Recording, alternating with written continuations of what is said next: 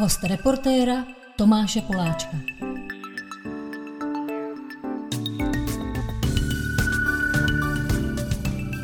Dalším hostem reportera je Jindra Polák, kapelník skupiny Jelen. Ahoj Jindro. Ahoj, Já jsem to tě. zapnul strašně rychle, protože ty si vyprávěl zajímavou věc. My jsme zjistili, a to možná dneska zjistíme ještě několikrát, že máme mezi sebou nějaký styční body. Máme úplně stejně starý 11-letý dcery a já jsem ti před minutkou vyprávěl, že ta moje Apolenka eh, chce autogram od tebe. Ani ne tak proto, že by byla velká faninka skupiny Jelen, ačkoliv musím říct, že vy jste jí eh, zpřístupnili tvorbu Michala Tučnýho, takže moje dcera má ráda písničku Koukám jak celá země vstává, ne kvůli tučnímu, ale kvůli tobě.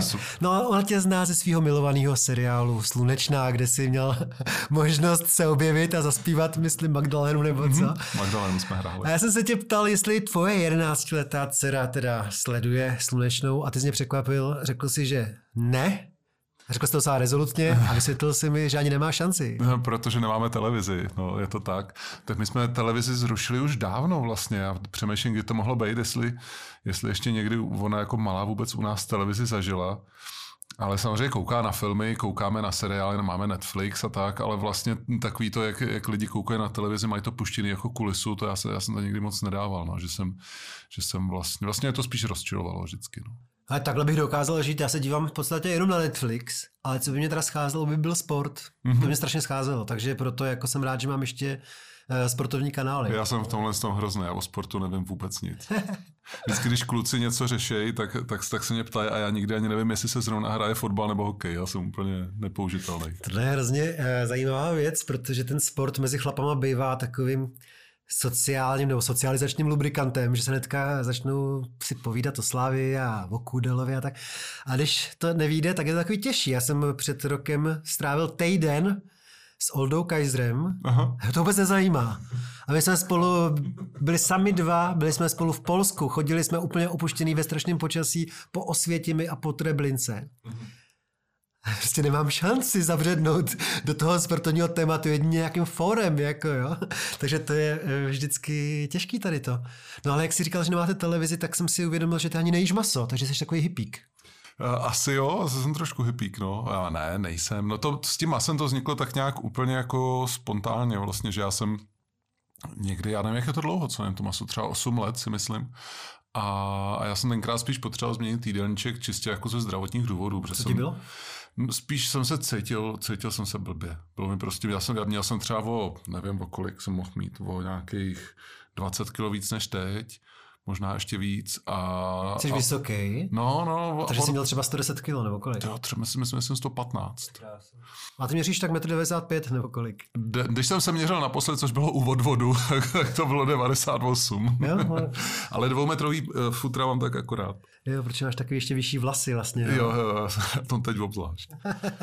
No, ale takže vlastně já jsem tenkrát, tenkrát jsem začal měnit jídelníček spíš takovým tím způsobem, že jsem napřed jsem přestal sladit, ubral jsem cukr, trošku jsem začal zajímat, co, co jim, protože já jsem byl takový ten hodně jako hamburgery, knedliky, vomáčky a tak. A... To už i bagety na pumpách možná. No tak to je jasný, no to úplně. A, a postupně jsem začal trošku se o to zajímat, trošku jsem to maso ubral, logicky přidal jsem zeleninu a jak jsem se v tom tak jako začal orientovat, tak jsem vlastně zjistil, že mi bez toho masa je líp a zkusil jsem ho vynechat úplně a ukázalo se, že prostě mi to vyhovuje. No.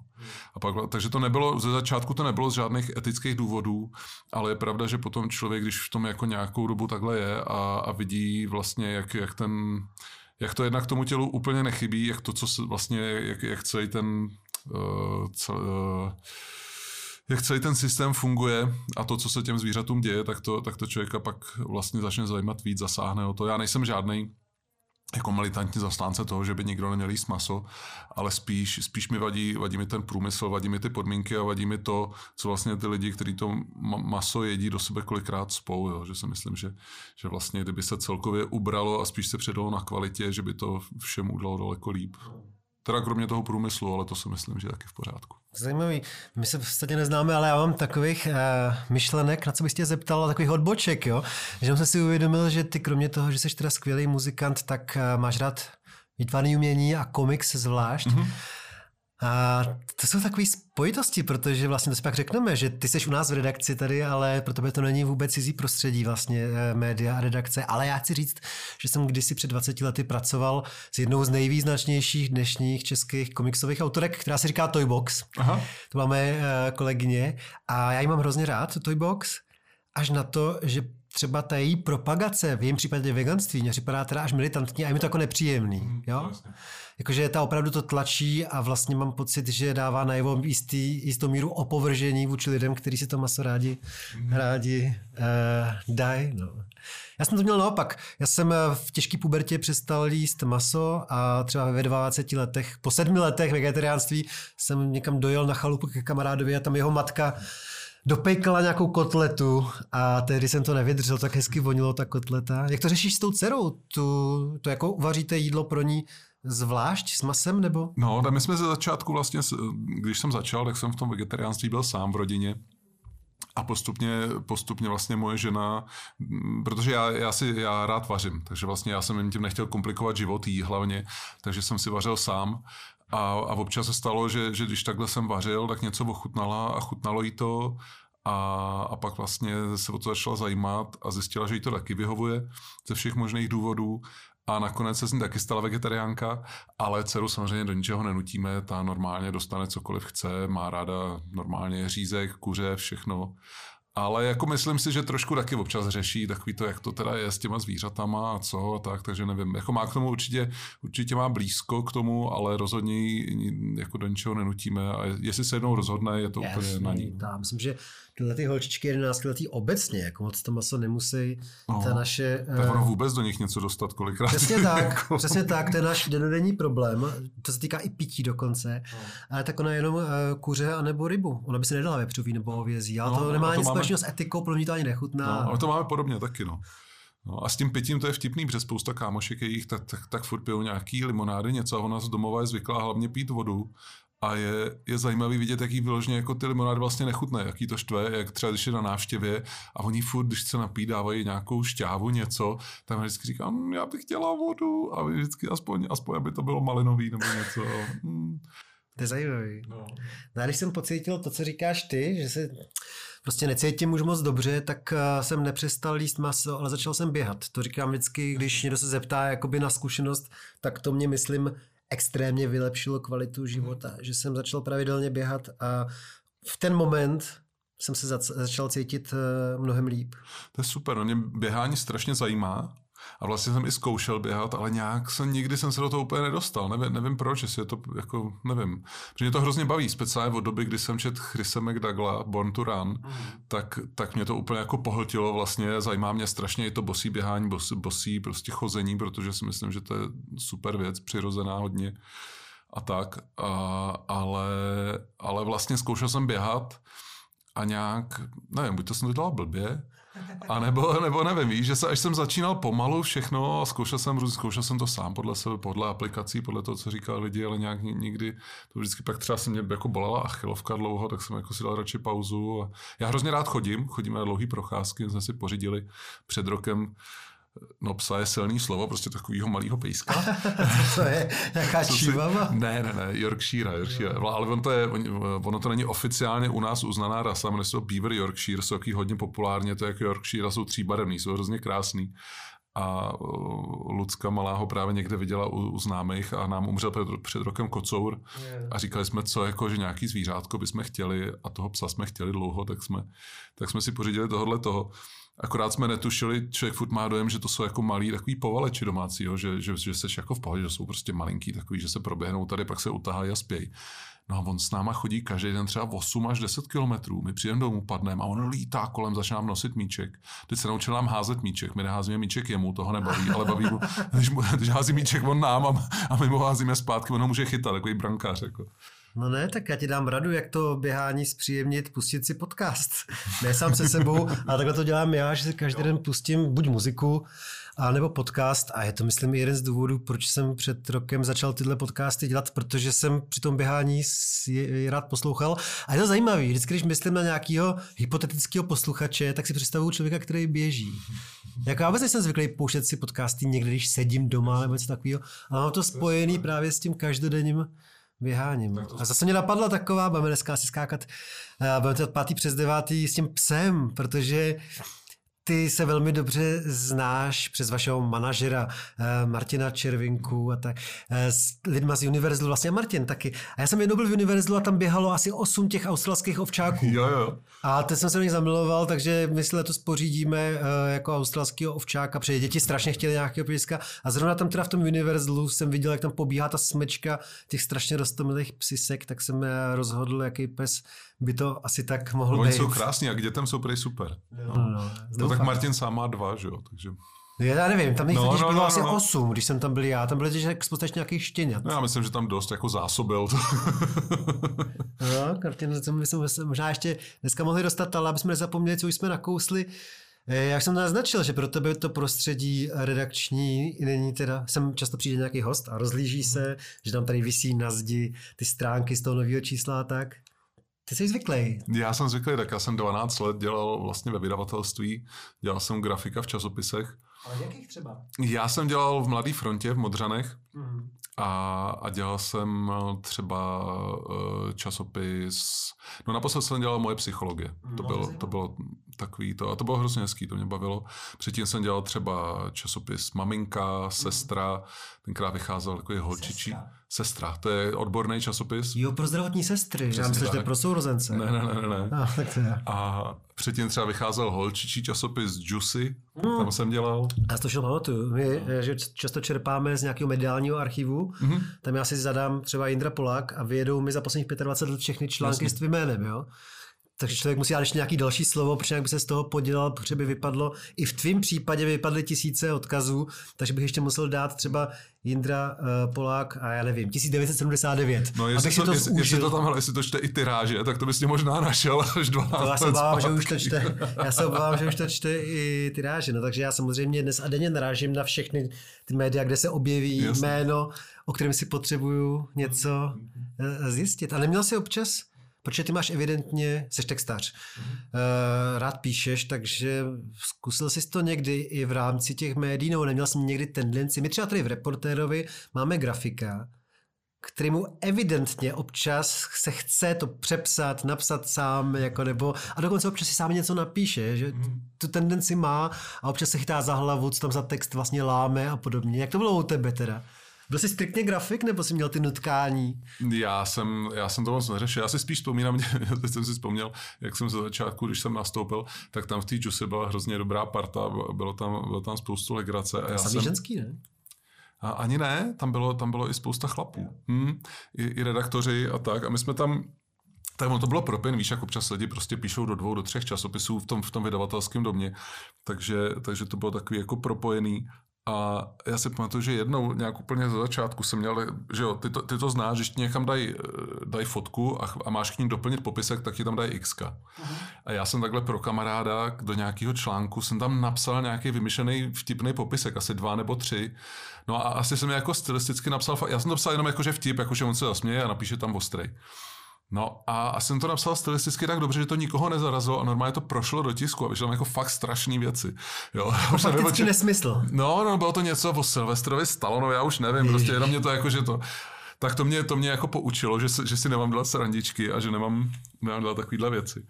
A, ale neměl jsem, asi jsem neměl ty, tyhle, ty, tyhle ty tendence, no, protože tak ono v těch časopisech, nevím, asi tam ani ty témata nebyly úplně, protože ten, to bylo všechno, to byl lifestyle a vlastně, když tam děláš těch 12 let, tak vlastně zjistíš, jak je to furt dokola, že? jak jako sem tam se najde fakt dobrý článek, fakt dobrý rozhovor, ale vlastně strašná spousta toho obsahu se prostě točí podle toho, jaký je nároční období, jaký je svátek, co se blíží, před, jako co se tam má každý rok psát. Že? no. A zrovna to moje psychologie, to nemusí být špatný, ne? Moje psychologie si myslím, že je fakt jako světlá výjimka, že to sice byl, byl, byl jako trochu lifestyle, ale dělali to fakt jako lidi speciálně. Já jsem tam nejhezčí období zažil, když to dělala eh, Bára Šťastná a a to bylo hrozně hezký, to bylo takový jako fakt příjemný, lidský, přitom jako to, tam psali chytrý lidi, ona to vedla moc jako hezky, citlivě a, a tak to si myslím, že bylo jako takový fakt pěkný období.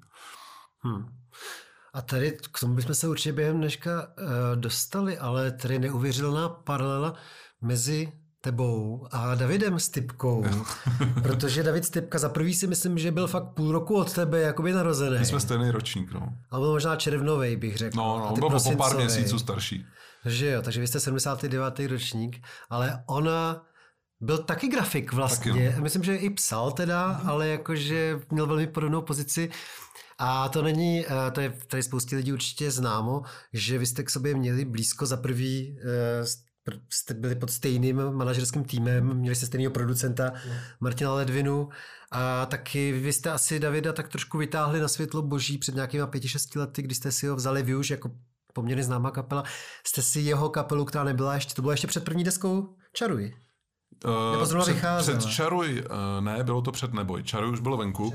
Dobře, ale ještě zdaleka nebyli tak známí, jako jsou dneska. Vůbec, nebo... v tý, no v té době to... Ještě neexistovala píseň Duet Dobré ráno, milá například. To vůbec. Neexistovalo podle mě. Nebo takhle, já totiž to je, já si myslím, že Dobré ráno milá existovalo. Pravdu, ale ne s Evou. Ale v úplně jiný úpravě a s jinou zpěvačkou. A s jinou zpěvačkou. Ale neexistoval kříž možná, Jericho, hmm. jestli už existovala. Jsme byli, byli jsme u, u zrodu, když se tyhle věci děly a bylo to, bylo to fascinující. No. Eh, takže předpokládám, že to je naprostá náhoda, že zrovna vy a David jste jeli společný turné právě proto, že jste oba spadali v tu chvíli pod ten singleton, pod toho Martina Červinku a pod Přesně tuhle tak. partu. My jsme se díky tomu jsme se potkali. No. Takže vás dali logicky dohromady. No a jaký bylo to oťukávání mezi...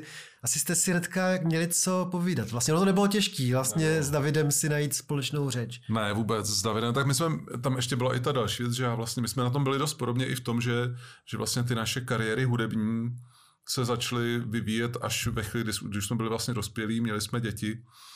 Jo, že to je úplně zase jiná pozice, než člověku je 20 a nemá žádnou zodpovědnost, nemusí nic řešit, jenom si užívá to, že, že najednou o něm píšou a hrajou ho.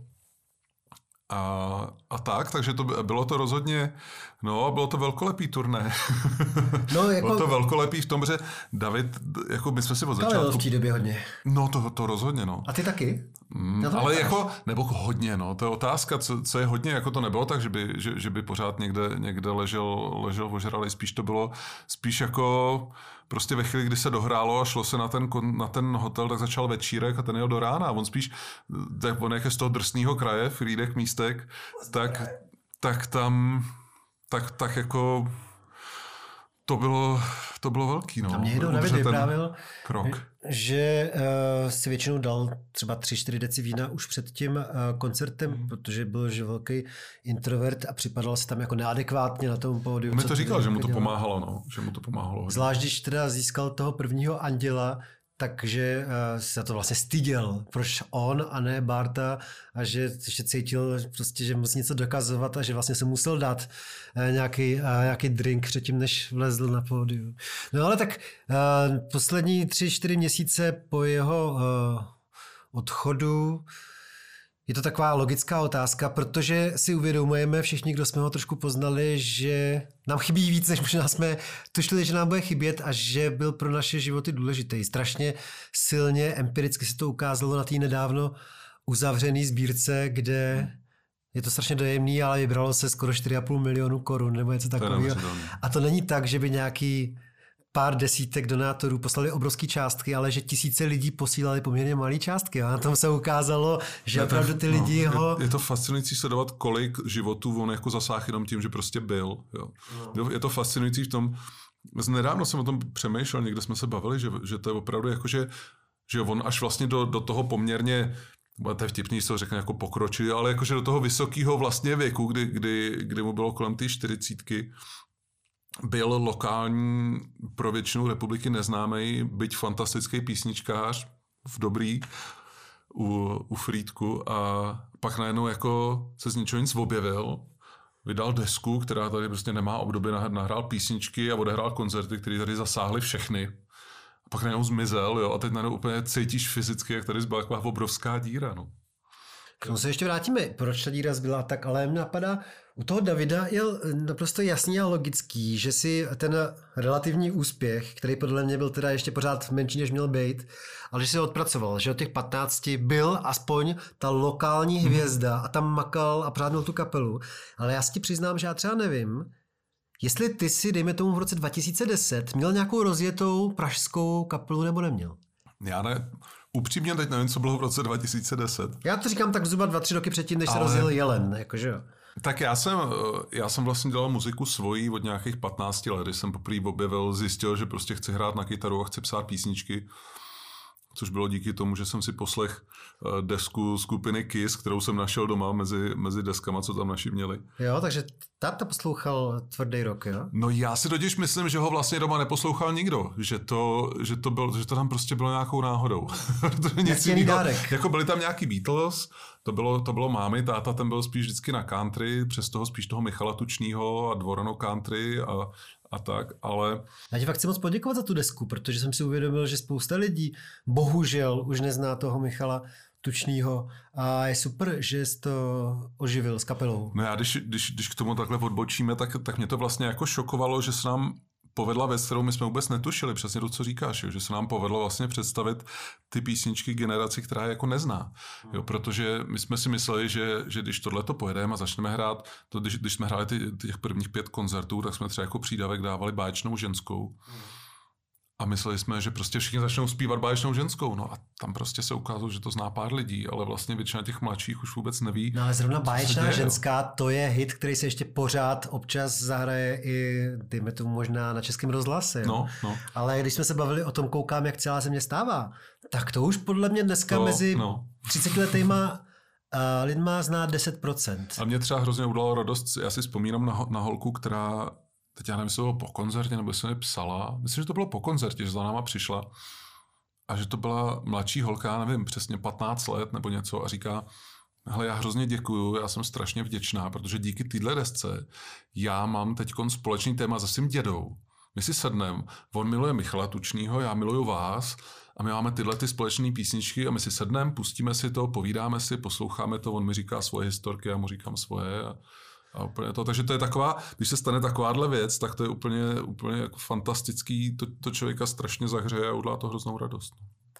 Spousta lidí, a je to hloupý, jako na toho Michala Tučního kouká z nějakého pro mě nepochopitelného důvodu skrz prsty, Naštěstí podle mě eh, se nastane takový období renesance, jako nastalo v, v, s tím Johnny Cashem a podobně, tak eh, on se může vrátit, protože ty, ty věci jsou, to, je, to jsou desítky pecek vyložené. Určitě, a jsou to skvělý Takže písničky. Eh, vy to pomáháte. No jasně. Tak ono je to asi ovlivněný hodně tou dobou, ve které to vznikalo, tím, jak na to koukáme zpětně a takový tím, myslím, že i trošku nešťastně on vlastně je zařazený furt do té škatulky, že to je to český country. Jo. A přitom on vlastně, on samozřejmě měl rád country, ale on zdaleka nebyl jako zaměřený, že chce dělat jenom to country. On spíš se z toho snažil furt vybočovat. To vím, co jsme se bavili s Míšou Tučnou, jeho dcerou hodně, protože my jsme se hodně skamarádili všichni, takže jsme, jsme tyhle věci hodně probírali. A a vlastně ten Michal měl strašně široký záběr. Jeho nejoblíbenějším zpěvákem byl Willie Nelson, který taky je u nás považovaný hlavně za, za, country, za countrymana, ale když si poslechneš jeho desky, tak on hraje všechno od jazzu až, až prostě natočil desku Sinátrových písniček, mezi tím samozřejmě country a tak. A myslím, že tohle s ním měl ten Michal společný, že on měl ten široký záběr a že vlastně stejně, on, on měl něco, co máme my, že on prostě jako dělal muziku, on nedělal country, on dělal muziku jo, a, a prostě neřešil škatulky a, a bral si, co bylo zapotřebí. No, akorát, akorát prostě asi i v rámci té doby a toho všeho bylo zapotřebí zaplnit nějakou mezeru, když se to zaškatulkovalo do toho country a myslím, že mu to trošku jako uškodilo i možná. Ale já jsem tě přerušil, když jsi vyprávěl, že ty KIS se dostali do diskotéky mm-hmm. tvýho, tvých rodičů spíš omylem, že táta, táta spíš poslouchal to country a tak. Ale možná ještě si mi neodpověděl na tu otázku, protože se nemůžeš vzpomenout, jestli jako David vlastně pořád jel na tom frýdeckom místecku, tak ty si třeba v roce 2010 vůbec vystupoval. No a já jsem chtěl navázat na to právě tím, že od té doby, co jsem slyšel tuhle tu desku a pořídil jsem si svoji první kytaru Jolana Disco v té době, tak jsem vlastně ve chvíli jsem se naučil prvních pár akordů hrál pořád někde furt, já vlastně úplně, jestli se dobře pamatuju, tak úplně první co, že jsem uh, hrál na kytaru čistě jako kytarista v hardrockové skupině Voči, což byla Aha, taková... si pamatuju. Mirek Mužík, to, to, to ved ještě hodně dlouho potom, klávesista hrozně šikovný, teď doteďka se potkáváme, vždycky někde, někde na něj narazím, hrozně fajn kluk.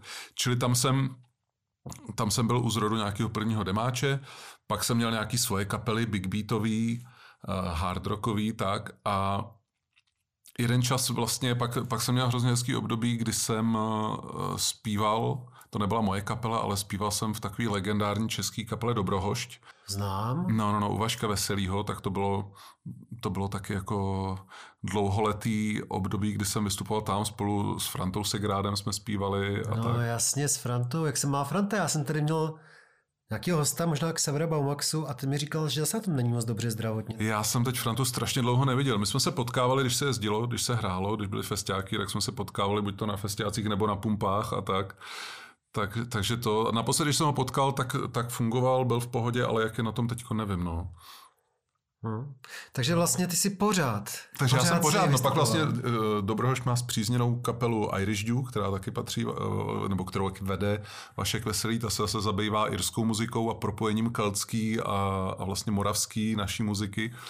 Takže tam jsem taky vystupoval, tam jsem tu tam něco zpíval, hrál na irský buzuky a tak. To je neuvěřitelný. Tady totiž to taky fanoušci na to určitě vědí, že ty si několik týdnů snad uh, hrál na ulici mm-hmm. v Irsku. V Irsku, no. Nevím, jestli v Dublinu nebo kde si... My jsme, no my jsme jeli s bráchou do Irska tenkrát, protože tady se na ulici hrát nesmělo. A? A nás to zajímalo jednak a jednak nás bavila irská muzika, jednak nás zajímalo Irsko jako takový. Byli jsme trošku jako vždycky, nás bavily ty keltský kořeny a ty věci kolem tak jsme se jednou sebrali, protože brácha je taky muzikant, ten má se kapelu Vintage Wine, takovou jako mm, punkovou, keltskou. Zajímavý. Co to bylo? Levelers byli takový třeba, nebo jaká kapela? No, no, no, Levelers, no. Měla takový to, jakože trošku punk a trošku, trošku kelt. No, no, no. No, takže, takže to jsme, jsme vzali kytary a vyrazili jsme do Irska, začali jsme právě v Dublinu, ale tam nás to tak úplně jako nebralo, protože to bylo nějaký velký kosmopolitní město, tam se víc mluvilo v té době slovensky než, než, eh, než anglicky. Polsky. A polsky, přesně. Takže jsme pak vyrazili a, a vzali jsme to jako dole po pobřeží.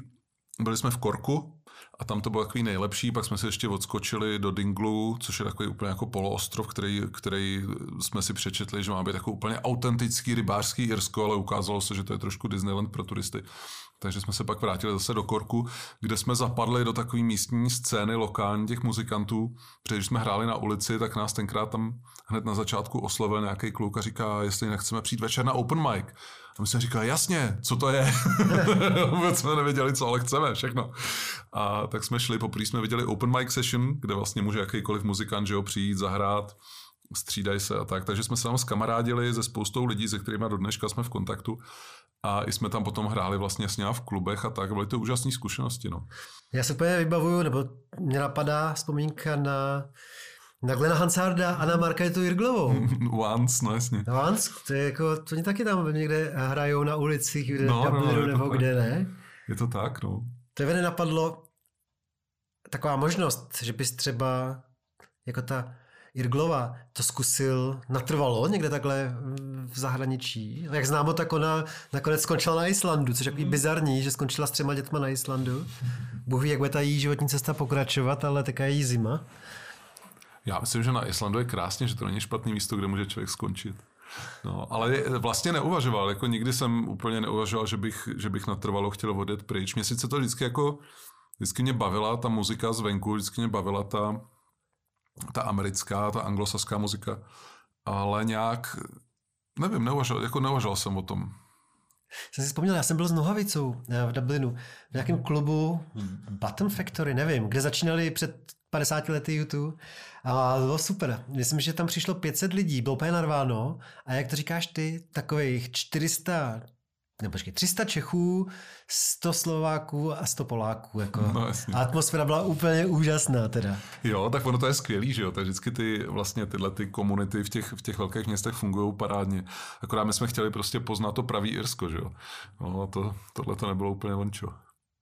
A jako vydělal jsi tak, jako abys eh, měl co jíst a pít, nebo jsi přivezl domů nějaký výdělek? Ne, bylo to na to jako na to vydělat si na to jídlo a pití. My jsme tam jeli a měli jsme nějakou, uh, nějakou železnou rezervu, aby jsme když tak tam nebyli úplně bezprizorní, která okamžitě padla na to, že brácha si koupil koženou bundu a já kytaru, že jo. Takže, takže pak už nám nic jiného nezbývalo. Dobře, no ale my jsme odbočili možná od toho uh, Davida Stipky. Já jsem, chtěl, já jsem chtěl říct to, že všichni vzpomínáme právě, proč nám ten David chybí. A třeba já jsem mluvil před dvěma měsíci do březnového reportera s Evou Farnou A tam se vybavuju, že ona mi vyprávěla, a to je něco jiného než ty, protože ona je o půl generace mladší než David a ty.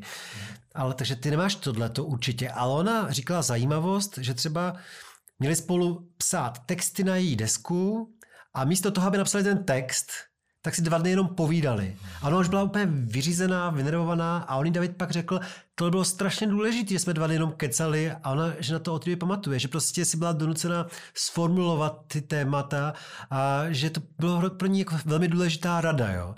Ale je jasný, že vy jste měli trošku jiný vztah než oni dva, protože přece jenom jste naprostý vrstevníci a nikdo nemá co koho jako učit. Nebo měl tě David co učit, nebo ty jeho? Tak já si myslím, že to nebylo tak, že bychom si sedli a, a něco, něco bychom se navzájem učili. To asi, to asi by ani nešlo, ale spíš, spíš to byla ohromná inspirace. Jako být vedle Davida byla vždycky ohromná inspirace.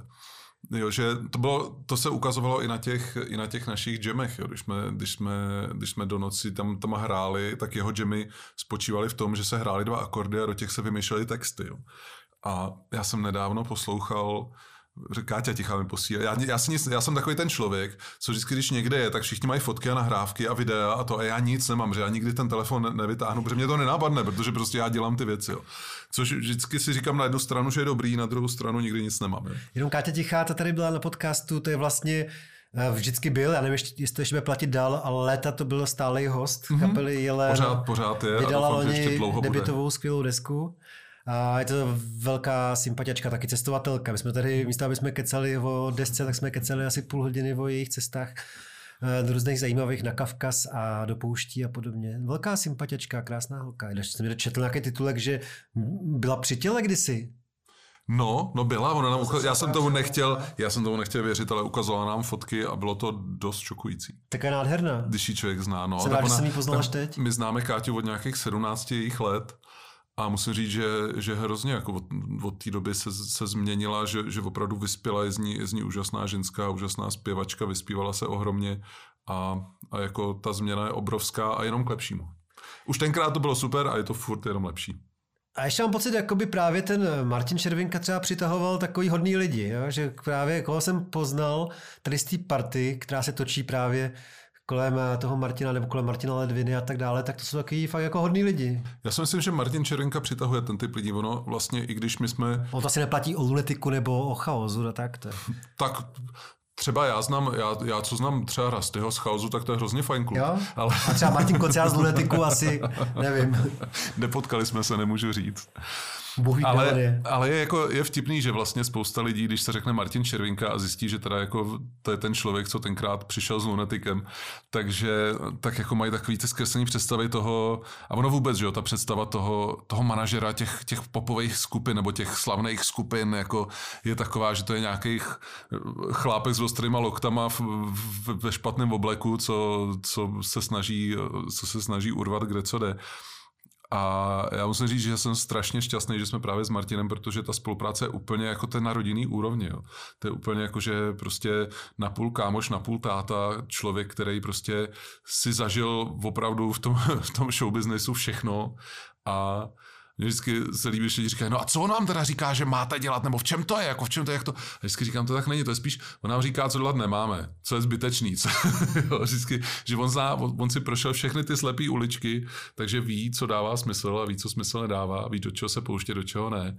A, a to je úžasná věc. A, a jako když, když člověk poslouchá jeho, a, a, a tak, tak nazbírá zkušenosti, jaký si myslím, že, že jinak nemá vůbec možnost. Ale navíc je to všechno, všechno strašně v dobrým. A je to prostě, je to tak, že člověk přitahuje ty lidi, kteří mu jsou podobní nějakým způsobem. Vždycky to je, že k sobě táhneš, jako, jo, jakože magnet táhneš ty lidi, kteří jsou nějak jako podobní a ty, kteří nejsou, tak většinou nezůstanou okolo. No.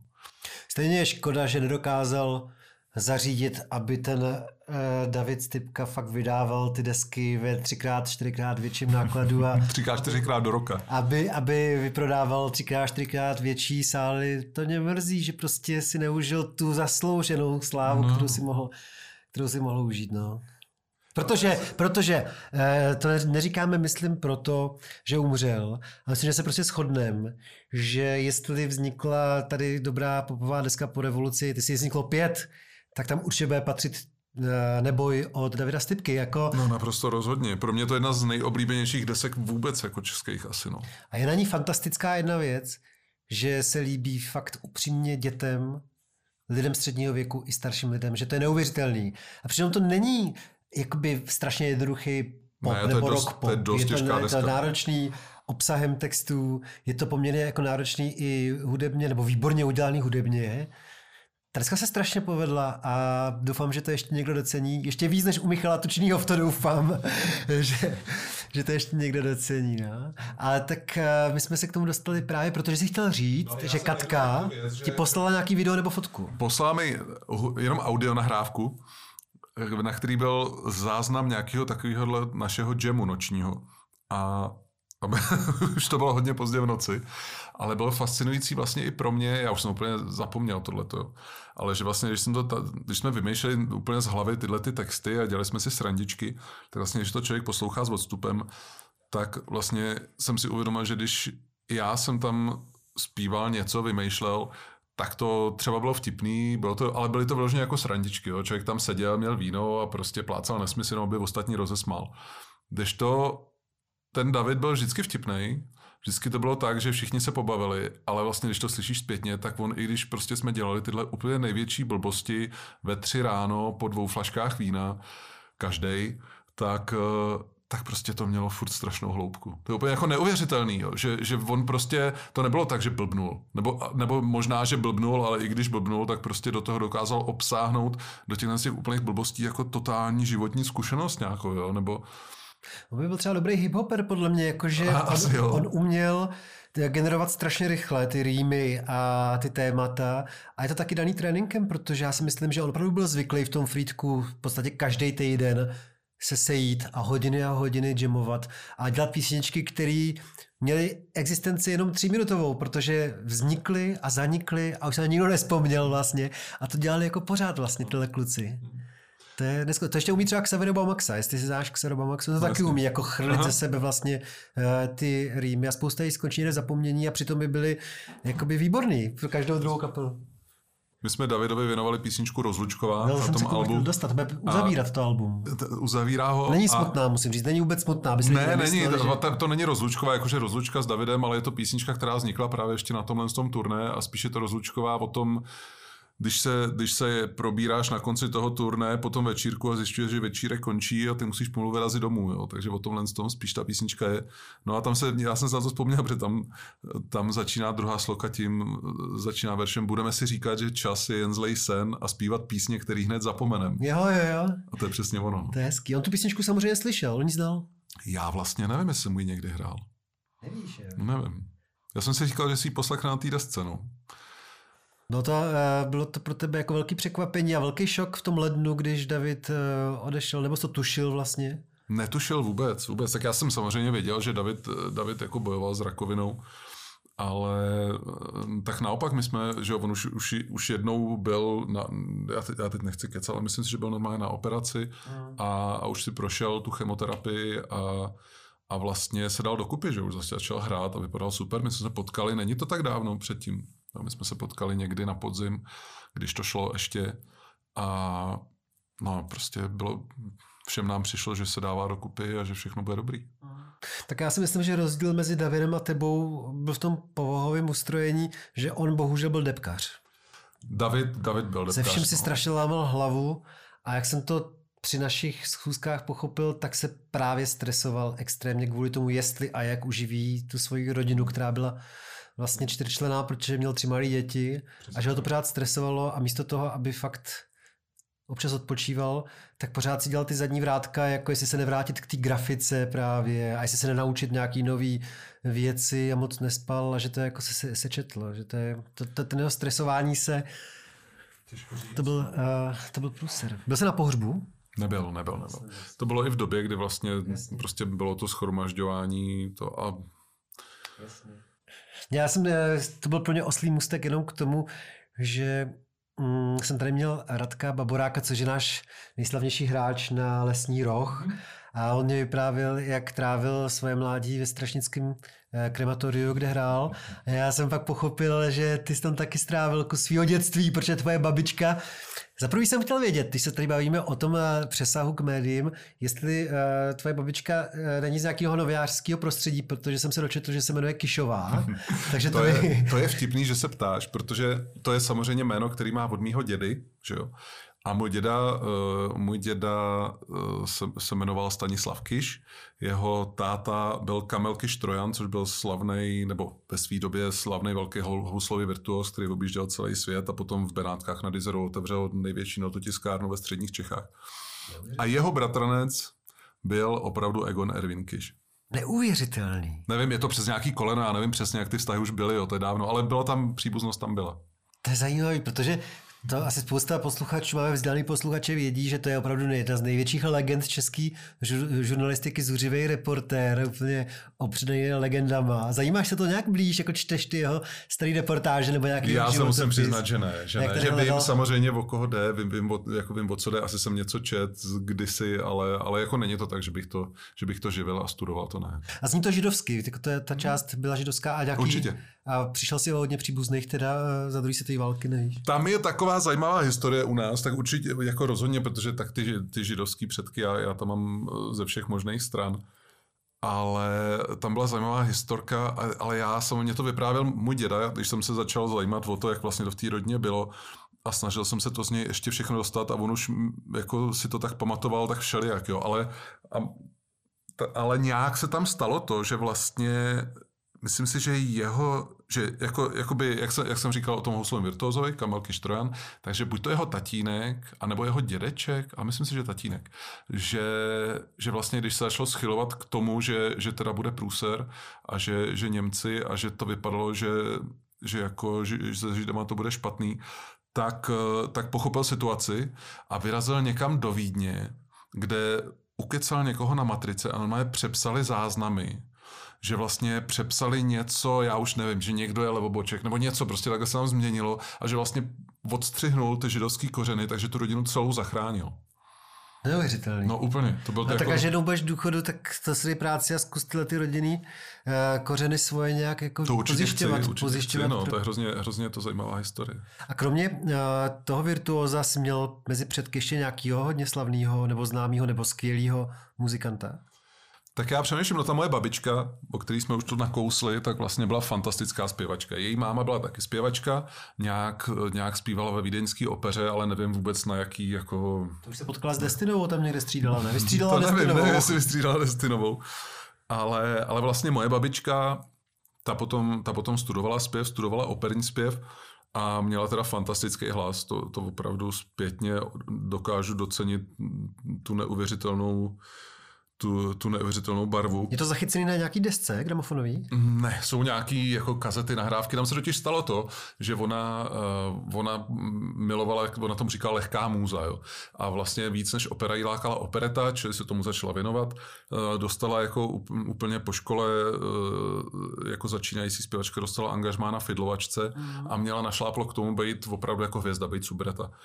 No, ale pak samozřejmě eh, se změnily tady eh, trošku, eh, trošku okolnosti a přišli za ní z komunistické strany, že by jako měla vstoupit do strany a začít spolupracovat a, a tak. A ona odmítla.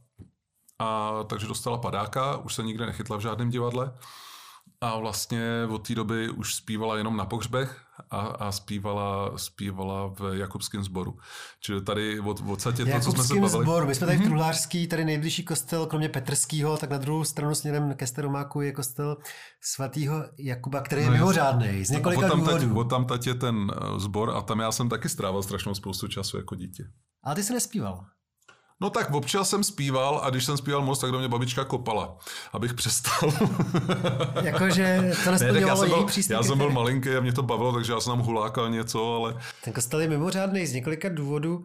Za prvý, tam byla ta zčernalá ruka jo, toho zloděje. To mě Ale co je ještě pro mě víc fascinující, je to, že to byl asi jediný kostel, který se za husické revoluce ubránil tomu ničení ze strany husitů, protože ten kostel tradičně byl řeznický. Tam byla vedle ulice Masná a všude tam bydleli řezníci. A když tam naběhli ty husiti a chtěli to vyplenit, všechny ty sochy a tak dále, jak to dělali u jiných kostelů, tak se tam srotili ty, to byly klášter, tak se tam srotili uh, ty řezníci s těma svýma mačetama na ty prasata a na ty kozy a ovce a šli proti těm husitům a ty husiti normálně svakli pod patky a tenhle ten kostel nechali na pokoj, se báli. To Tak vidíš, tak to ani nevím, tuhle historii, to je super. Ale ten, ten klášter vím, že my, když jsme, já jsem opravdu trávil jako hodně času jako dítě. Takže jsme jsem se dostal do různých, do různých míst a procházeli jsme právě kolikrát celým tím objektem. Tam vlastně byly cecilské slavnosti, když se dělali, tak já jsem tam kolikrát jako malý recitoval a tak, takže bylo hrozně hezký, to, mám, to místo mám hrozně rád. No. A pak právě, kromě toho jsem strávil velkou část dětství, jak jsme se bavili ve, ve strašnickém krematoriu. A jak to na tebe působilo, prosím tě? Já Zvykl jsem, jsi? já jsem tam měl hrozně rád. To dítě to vůbec neřeší, to neřeší, co se děje. Naopak, já jsem, já jsem si tam, mě to hrozně bavilo. Já jsem tam kamarádil s těma muzikantama. Možná jsi tam potkal Baburáka, vlastně ne, to bylo až v 90. letech. To... To asi ne. No, ale no, a, a takže si pamatuju spoustu, spoustu vtipných věcí, jak, tam, jak jsem tam jednou hodil vlašťovku mezi pozůstalí a tak, takže to, Zasmáli se? já myslím, že si to asi nikdo nevšiml, ale že to zrovna bylo v nějaký chvíli, kdy byly skloněné hlavy a, a já jsem si tam, no, letěla bělounká holubička nebo něco takového. Tohle to je hrozně zajímavý. Jo, že vlastně my jsme i, protože to bylo krematorium ve Strašnicích a krematorium na Dobříši. Na dobříši. No, no, no, no tam, tam babička zpívala a jak jsem s ní trávil hodně času, tak jsme tam byli často. A my, my vlastně, i když bylo, i když bylo mezi obřadama, tak jsme třeba chodili na procházky po tom hřbitově. Já jsem měl vždycky hrozně rád, na mě do dneška hřbitovy působí hrozně uklidňujícím dojmem, protože prostě takový místo, kde já to mám spojený s hrozně hezkým, hezkou dobou, protože já jsem babičku měl strašně rád. Trávili jsme spolu spoustu času, hodně z velké části mě vychovávala ona. A přes léto jsem s ní býval na chatě a tak. Takže, takže pro mě vlastně je málo pozitivnějších míst než krematoria a hřbitovy. No, myslíš, že nějakou písničku kapely Jelen už si nějaký fanoušek přál zahrát jako na pohřbu? Že už, už zaznal nějaká písnička od Jelenu na pohřbu? Vůbec nevím, to vůbec nevím. Hele, eh, ještě jedno téma mě napadlo, samozřejmě vím, že eh, tam není žádná souvislost, ale než se zeptám, jak často používáš teda jméno Jindřich? Nikdy, já se nemenuji Jindřich. Se nemenuješ? Ne, to je taková vtip, samozřejmě občas někde se to splete logicky, protože všichni předpokládají, že jsem Jindřich, ale taková rodinná zvláštnost, že já, můj táta, jeho táta, nevím, jestli ještě dál, vlastně jsme Jindrové, že opravdu Jindra, mám to v rodném listě. To je jako Jindra Hoyer vlastně, dejme tomu. No, asi jo. Jindra Hoyer taky asi není Jindřich. jak to měli. Takže to je v kalendáři, nebo jak to je? No není, není. Já slavím na Jindřicha, nebo slavím, prostě jakože svátek můj je Jindřich, Aha. ale, ale vlastně nejsem Jindřich. Tak moje otázka je úplně bezpředmětná, není vtipná. Já jsem se chtěl zeptat, jak se ti líbil pan Tau a návštěvníci a... Jindřich Polák, no tam je vtipný, že, že je Jindřich Polák, že jo, režisér a kameraman Petr Polák. A my jsme, já jsem Jindra Já jsem a, Poláček. a můj brácha, můj brácha je Petr. Jo, takže, to takže takhle, to vůbec není vtipný, jestli jsi vyrůstal na návštěvnících. Ale Co, vyrůstal, no. což natočil vlastně uh, Jindřich, Jindřich Polák. A tady se lidi často, jestli je tam nějaká příbuznost. Tak uh, právě v pátek vyšla uh, deska, uh, když nebudeme počítat ty, toho Michala Tučního, tak po pěti letech. A na závěr ti teda položím uh, otázku, kterou tě se pokládá každý. Já jsem se ještě nedočetl odpověď. Ona se jmenuje Věci a sny. To se vymyslel určitě ty, tak jenom řekni, proč, proč Věci a sny? To sousloví pochází právě z té písničky Rozlučková, o který jsme se bavili. Tam se zpívá z okna házet věci a sny, co už nechcem mít. To je takový vyloženě stypkovský verš, podle mě. Je to možný. No, ale eh, a vlastně pro mě to evokuje já to, když to vemu tak jako ze široka, trošku metafyzicky, tak pro mě věci a sny je vlastně takový materiál, ze kterého se skládá celý vesmír. Prostě všechno jsou věci a sny, že jo. A, a když, se, když, to, když to přeneseme na naše životy, tak vlastně to je to samé. Taky vlastně naše životy se skládají z věcí a ze snů, který máme. A spousta lidí má takový tendence ty svoje sny vlastně odkládat kvůli tomu, že se napřed chce jako dobrat těch věcí, že chce získat ty hmotné věci, ty, po kterých touží, ty, který si myslí, že potřebuje. A, a přitom odkládá to plnění těch snů a kolikrát až na dobu, kdy už je pozdě, prostě když už to, kdy už to nestihne. A to je, myslím si, že to je špatně, že to je hrozná škoda. To je něco, co chceme připomenout tím názvem. Ty jsi teda asi uh, ten svůj největší sen splnil, že jsi nakonec se stal součástí kapely nebo vedeš kapelu, která je fakt hodně populární a dostal se s tomu, jak říkáš, sám až na starý kolena po 30 někde v Kristových, mm-hmm. Kristových letech. Ještě máš nějaký větší sen, ještě to chceš dostat někam mnohem dál? Nebo jsi spokojený vlastně? No, když řeknu, že jsem spokojený, tak, tak by to mohlo vyznít jako, že tak, jak to je, tak je to dobrý a, a, a tím vlastně už, už žádný ambice tam nejsou. Na druhou stranu, jako nikdy jsem neměl takový ty ambice, jako že do dvou let vyda, vyprodáme auto arénu, pak letňany a pak vyrazíme do Ameriky, prostě to ne, ale jsme spíš jako, já jsem to tak měl vždycky a myslím, že s Jelenem, s kapelou to máme s klukama stejně, že, že vlastně nás v první řadě baví to, co děláme a tu muziku a tu naší kapelu chceme dotáhnout, kam nejdál to prostě půjde, kam nás to pustí, kam nás to veme, my to budeme celý jako takovou dobrodružnou plavbu trošku.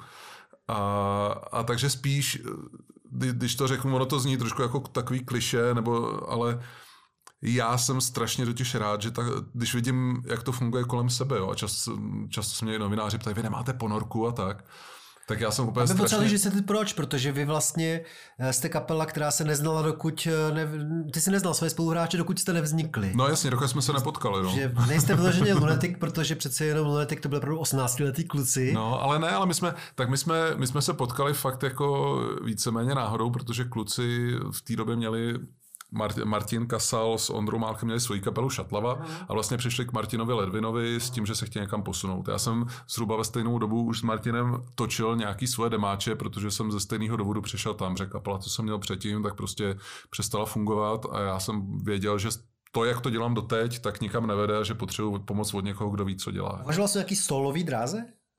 Já jsem vůbec nevěděl, vůbec jsem to v té době neřešil, prostě jsem jenom chtěl dělat muziku tak, aby to dávalo smysl. No a vlastně... Já třeba jsem teďka vzpomněl na toho Marcela, který, já nevím, spolupracuje s Leny třeba, že ten mhm. evidentně se snaží, ten by měl kapelu, mohl mít kapelu, ale teďka se snaží dělat věci jako solově na svoje jméno Marcel vlastně. To zvědavý, jak se mu to podaří vlastně. Taky jsem zvědavý, s Marcelem se známe, je hrozně šikovný muzikant. Tak ho dělá na Františku, dělá s covidovými pacientama. Já vím, no, on je doktor. No. On je doktor, přesně tak a strávil několik let v Anglii. Mm-hmm. Ale covid je vyhnal zpátky. I jeho, jeho manželku Lindu jsem tady měl, která je skvělá uh, designerka vlastně. Mm-hmm. No, no, takže, ale takže, takže vlastně my jsme tam jsme se potkali na nějakým jamu a, a od té doby Vlastně jsme si hned padli eh, do noty nejenom muzik, muzikantsky, ale i lidsky. Jo? A postupně, jak se ty lidi nabalovali, jak to asi v tom singletonu se nějak prostě děje, že si to fakt táhne tu dobrou energii, tak eh, tak ty vztahy v té kaple jsou takový, jak já jsem nikdy nikde neviděl. Jo? Že opravdu furt je to takový, že nás to prostě baví být spolu. Že prostě nás baví sednout té dodávky a někam jet, protože prostě bude sranda. Je to jako, jako když sedneš s bandou kámošů, jedete, jedete prostě na čundr. A, a takže to je taková moje vlastně jako jediná opravdu ambice, je dostat se s tou muzikou tam, kam to půjde, ať už to znamená cokoliv, to uvidíme, ale hlavně udržet si tohleto, aby nás to furt bavilo. Jo? Protože zrovna dneska jsem se o tom s někým bavil už, že že vlastně si myslím, že jako přijít, dostat se, dostat se do té fáze, kdy vyprodáš úplně největší, největší stadion v zemi, ale vlastně tě štve, že tam seš s těma lidma na, na tom pódiu, tak to mi vůbec nedává žádný smysl. Prostě. To radši budu, budu hrát v klubech s kapelou, se kterou mě to baví. A nebo na tom stadionu s kapelou, kterou mě, která mě to baví. Ale, ale, takže to je takový, asi takhle bych to shrnul.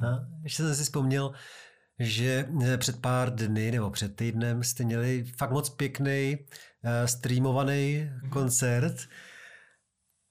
Baví tě to? Ten streamovaný koncert? Ty streamovaný koncerty.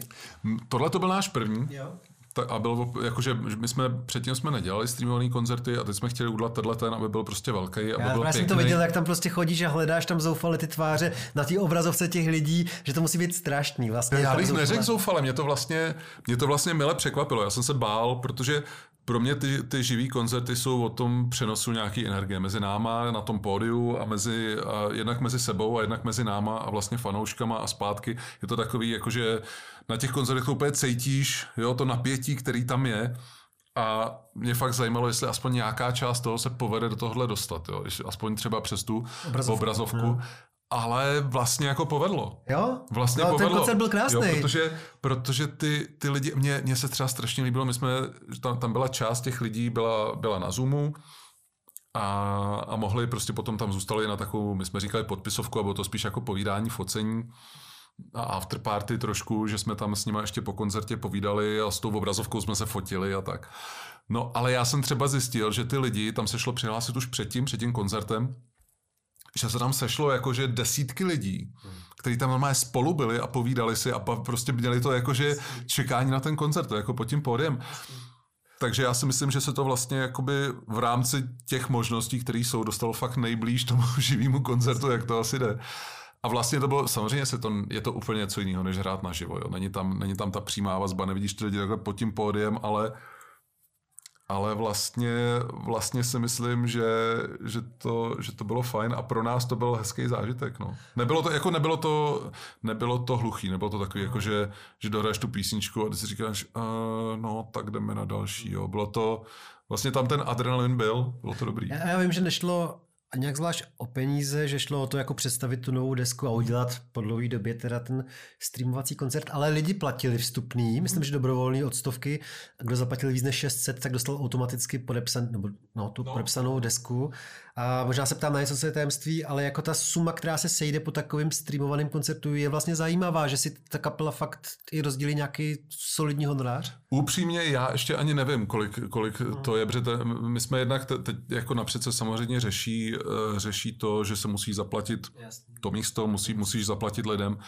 co to, co to dělali a my jsme měli teda obrovský štěstí na lidi, co to dělali, protože to s námi dělal režisér Ondra Urbanec, který už s námi dělal vlastně na stejném místě náš první klip, hmm. písničce Jediný bylo za místo vlastně, byla krásná. Loft v Bubnech, Loft Bubny se to jmenuje.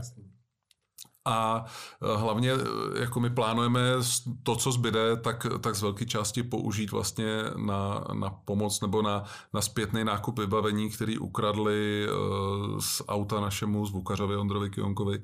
Vlastně na hlídaném parkovišti mu ještě do tohle všeho blázince vykradli dodávku a, a pojišťovna s tím nechce mít nic společného a vlastně jemu zmizely jeho zvukařské vybavení, my jsme přišli o nějaké věci, čili vlastně tyhle ty peníze pak, pak půjdou tímhle s tím směrem. Ale jako kolik to já vlastně ani fakt nevím teď v tuhle chvíli. Jo, my ještě vlastně do 26. je možnost se tam jednak pro lidi, co už si koupili lístky, znova podívat, jednak ještě je, je možnost lidi, kdo budou chtít, si můžou koupit eh, na to vstupenky, podívat se zpětně, ještě podpořit. Takže uvidíme potom, co tam bude. No. Fakt vůbec teď netuším. Strašně s tou krádeží, to pak ale je potřeba obcházet ty bazary asi a je, ale je to, to je to hrozně těžký. No. Nic se nepodařilo Zatím, zatím o ničem nevím. Protože no. ty muzikanti si často poznají ty své nástroje, že jo? To... No a tohle to bylo spíš jako vybavení, jakože, jakože to byly, byly to pulty, byly tam takovýhle ty věci. A to bylo po vašem nějakém nahrávání, nebo po jo, vašem... Jo, no. To je strašný. No a budeme optimisti a řekneme si, že v létě teda, nebo už na konci jara živý koncert? Já doufám, no tak my bychom teď měli mít 2. 2. května živý koncert v Lucerně, kde, kde probíhá nějaký tak, takový jako snaha o skříšení té české scény. Mělo by to fungovat, že tam, že tam bude tisíc otestovaných lidí na sezení. No. Tak uvidíme se, se na to hrozně zvědavě, jak, jak celá ta akce dopadne. Já o tom vlastně teď jako nic moc bližšího nevím, je to takový narychlo ale na to se těším. No a jinak my máme na léto vlastně kalendář úplně plný. No. Ale otázka je, co bude, no. optimisti. Já doufám, že jo, já doufám, tak loni taky nakonec nějaký hraní bylo. Já bych byl hrozně šťastný, kdyby se to nějak povedlo otevřít na podzim, protože bychom chtěli jet turné k desce, chtěli bychom obět celou republiku a tak, takže uvidíme. Máme to naplánovaný, máme to domluvený. A tak, takže no, teď si držíme palce a já, já myslím, že to vyjde. Kdyby ne, tak ty naštěstí můžeš žít zase hrát na ulici. Kdyby tě pustili do Irska, tak tím líp. Děkuji moc krát, že jsi přišel, ať se daří desce i kapele Jelen. Děkuju. Já moc děkuji za pozvání i za přání a, a taky ať se daří a zdravím všechny posluchače. V květnu na koncertě.